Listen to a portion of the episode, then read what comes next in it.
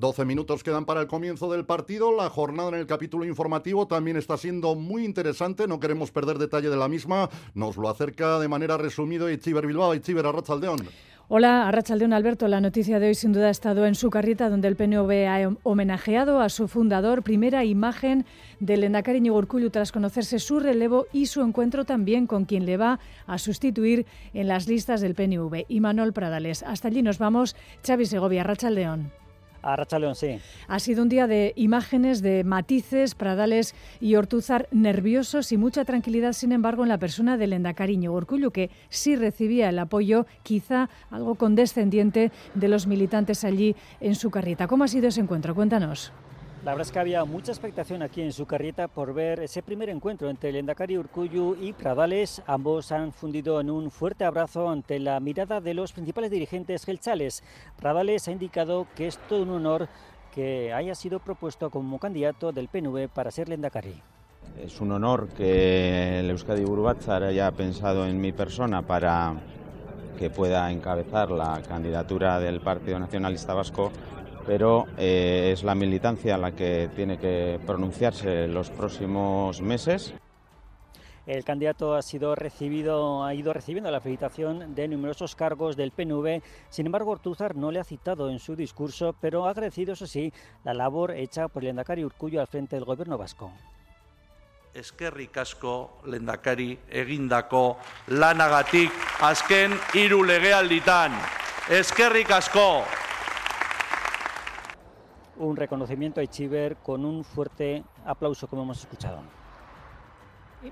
Primeras palabras de Iñigo Urcullu, lo decíamos muy tranquilo en declaraciones a la prensa, ha confirmado lo que ya sabíamos todos, que es un hombre que se debe a su partido, el Partido Nacionalista Vasco, y ha sacrificado por ello sus ganas de continuar en Ajuriania. Reivindica que aún tiene tarea, eso sí, cuando Pradales sea ratificado, ha dicho que va a estar a su disposición, Xavi. Sí, Urcuya ha asegurado que no va a entrar en valorar cómo se ha gestionado la elección de Pradales por un lado y también la de su no continuidad como candidato Gelchale al Endacari. Es algo interno. Esas cosas son internas y me las quedo para mí. Aún así, Urcullo ha insistido en que es un hombre de partido y que siempre va a aceptar las decisiones del Euskadi Burubachar porque las cosas, ha asegurado, tienen su principio y su final. Partido Nacionalista Vasco tenía que ser libre para tomar la decisión que estimara pertinente. Y yo soy un hombre de partido, he sido el máximo representante del Partido Nacionalista Vasco y sé cómo es esto. Urcullo ha puesto en valor el trabajo de su gobierno, al que aún ha dicho y ha recordado le queda legislatura por cumplir. Se ha puesto a disposición, eso sí, de Pradales, un alumno brillante, recordaba, como su profesor Di Castola, que lo fue. Una vez, eso sí, ha dicho que sea ratificado por Euskadi Burubachar, le dará y estará a disposición de todo lo que haga falta para el candidato del PNV al Endacari. Gracias, Xavi. En el acto político lo decía Antonio Ortuzar no ha citado a Imanuel Pradales. Sí ha dicho Ortuzar que el partido ha hecho una ambiciosa apuesta de relevo generacional. Ha destacado lo conseguido con el acuerdo con el Partido Socialista en Madrid de cara a la investidura de Pedro Sánchez, pero pide mirar ahora a Euskadi. El foco, ha dicho, del PNV está en Euskadi. Comentábamos la necesidad que sentíamos de cerrar ya una etapa en la que todo el foco político estaba en Madrid. La necesidad de volver a poner el foco en Euskadi, en la política vasca, porque teníamos, tenemos la sensación de que una parte de nuestra sociedad se está despistando y se está perdiendo el foco más movimientos en los partidos. Mañana lunes el coordinador general de Euskal Herria Bildu, Arnaldo Tegui, va a trasladar a la mesa política de su formación su reflexión sobre la posibilidad de presentarse o no como candidato al Endacari. En estos micrófonos ya deslizaba que su opinión podría ser no, pero se someterá a lo que diga la militancia. Hoy la parlamentaria Oriana Echevarrieta ha subrayado que con este encuentro se pone en marcha también su proceso interno de listas electorales que va a concluir a finales de año. Ha valorado la posibilidad de que la candidatura al Endacari recaiga en una mujer y ella está en las quinielas. Nosotras tenemos muy pautados cuáles tienen que ser esos procesos desde que la mesa política lo pone en marcha hasta que se lleva a refrendo. Nuestras y nuestros bilquides son quienes van a decidir o tienen esa última palabra. Nosotras barajamos y trabajamos desde las políticas públicas feministas. La diferencia que podemos llegar a marcar en vez de nombres es en las propuestas políticas Hoy nos visitaba en Crónica de Euskadi fin de semana quien también fuera relevado de su puesto por su partido, el Partido Nacionalista Vasco, no sin polémica al frente de la alcaldía de Vitoria-Gasteiz. Gorka Urtara nos aseguraba que estas decisiones consensuadas hay que tomarlas con normalidad yo creo que hay que vivirlo con, mayor naturalidad, ¿no? Y muchas veces quizás la percepción social que se tienen de estos procesos pues es muy diferente a lo que realmente ocurre, ¿no? En un proceso que es eh, consensuado, que es analizado que es acordado y mm. que además es lógico, ¿no? Es un cambio de generación, es nueva agua, pero de la misma fuente de siempre, que, que lo esencial se mantiene, ¿no? Gorka Urtaran es ahora diputado de Políticas Sociales de Araba, una cartera que este ejercicio bate récord de presupuesto y muchos proyectos. Begoña Dorronsoro. Sí, el departamento cuenta con un presupuesto de 300 millones de euros para el próximo año, un 3% superior al actual, lo que según Gorka Urtaran es muestra del compromiso social del área.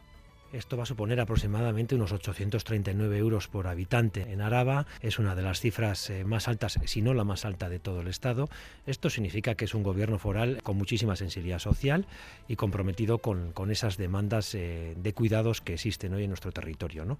Mejorar las condiciones laborales del personal de entidades conveniadas con la Diputación Foral de Araba es, ha asegurado Gorka Hurtaran, uno de los ejes de su departamento. Es el caso de las residencias privadas. Las residencias privadas que no tienen convenio colectivo propio están sujetos al convenio estatal y eso no puede ser. Y yo lo que he tratado tanto con la parte social, con la, con la patronal, pues de intentar buscar puntos de entendimiento, puntos de acuerdo para que podamos firmar un convenio colectivo a nivel territorial. Hurtaran ha subrayado además la apuesta del área por los servicios comunitarios con proyectos como Guizarea y Echeambay pongamos énfasis en los servicios comunitarios, en los servicios domiciliarios, para que las personas mm, puedan cumplir ese deseo de seguir viviendo en sus casas, dispensando unos cuidados que satisfagan las necesidades que ellos tienen Además, crearán 230 plazas residenciales más que se añadirán a las más de 1.100 existentes y antes de que finalice el año se abrirá un centro de crisis que ofrecerá atención continuada a las víctimas de violencia sexual. Gracias, Begoña. La una, perdón, sí, la una y 54 minutos de la tarde. Continuamos eh, relatándoles de manera eh, contenida la actualidad de esta jornada de domingo. En Navarra, 30 pueblos y 39 concejos se celebran hoy elecciones locales. Es la segunda vuelta después de que en las pasadas elecciones de mayo ningún grupo político se presentará. Tampoco parece que vayan a poder elegir alcalde en muchos de ellos. Cada vez cuesta más encontrar a quien quiera ejercer esta labor. La mayoría de estas localidades quedarán después de hoy en manos de una gestora. Es el caso de Areso. Allí ha estado Orgeneturioz. En la única mesa electoral de Areso, Adur Echazarreta sabe que le espera un día largo. A las nueve hemos abierto y de momento no ha venido nadie a votar. Eh, de momento en el pueblo no ha salido ningún grupo para la alcaldía. Son 270 habitantes, pero ninguno parece tener hoy intención de ir a votar. Es este asmoik ez. Ba ez, ez, nik ez de botatuaz. Botatzea asmoik ez. Asmoik, porque, a ver, herritarrantzako, pues, zeago da, pues, botatzea, obvio da. Aseguran que es mejor para el pueblo no votar, ya que la única lista presentada a escaños en blanco renunciaría nada más ser elegida. Lo que les interesa es que el proceso siga su curso. Belén Muro es teniente de alcalde de Areso en funciones. A no ser que haya sorpresa, que los de escaños en blanco se emocionen y, y si sacan el 5% cojan el cargo, la comisión gestora es la que va a llevar el ayuntamiento en los siguientes tres años y medio. Belén nos asegura que lo dejan para dejar el testigo a otros vecinos, pero está claro, no es fácil dar el paso. Pesa mucho más el que dirán negativo que, todo lo positivo que, que vayas a hacer. Sin relevo, el Ayuntamiento de Areso pasará a manos de una Junta Electoral nombrada por el Gobierno de Navarra. Así será para los próximos cuatro años y lo será en Areso y en los otros 30 municipios y 39 consejos de Navarra en los que hoy celebran esta segunda vuelta de las elecciones municipales de mayo. Y en Madrid, baño de multitudes en IFEMA. Pedro Sánchez ha reunido a 10.000 personas entre cuadros y simpatizantes, gran afluencia también desde Euskadi y Navarra para reforzar la unidad del Partido Socialista ante la fuerte ofensiva contra la amnistía y también contra su gobierno. Nerea Sarregui, IFEMA, Racha León. A Rachaldeón, sí, ante esa ofensiva contra la amnistía y los disturbios en las calles, 130 sedes socialistas han sufrido ataques. Baño de masas hoy para Pedro Sánchez en este gran acto del PSOE en IFEMA que reúne a cerca de 10.000 personas entre aplausos. Sánchez ha defendido la amnistía y también ahora mismo su posición respecto a Israel.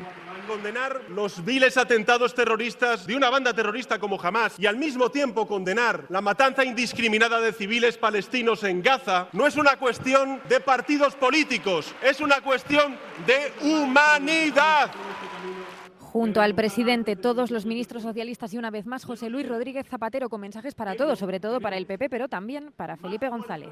La única patología que tiene Pedro Sánchez para ellos, claro, es que siempre les gana. Ese es el problema. Pues claro, van pasando, pasó Rajoy y pasó Casado y ahora Feijó. Ese es tu problema, Pedro. Hasta IFEMA, el PSOE ha desplazado 200 autobuses desde todos los territorios del Estado, 5 desde Navarra, 300 personas desde Araba, Vizcaya y Guipúzcoa. Aquí están la presidenta Navarra María Chivite y el secretario del PSE, Eneco Andueza. Creo que nadie tiene derecho a venir a la puerta de las casas del pueblo de los socialistas a decirnos absolutamente nada, cuando hemos sido los socialistas probablemente los que más hayamos sufrido la sinrazón y el totalitarismo, primero del franquismo y de ETA después. Acaba de finalizar el discurso de Sánchez, pide ni un paso atrás, quedan, dice, cuatro años de gobierno progresista.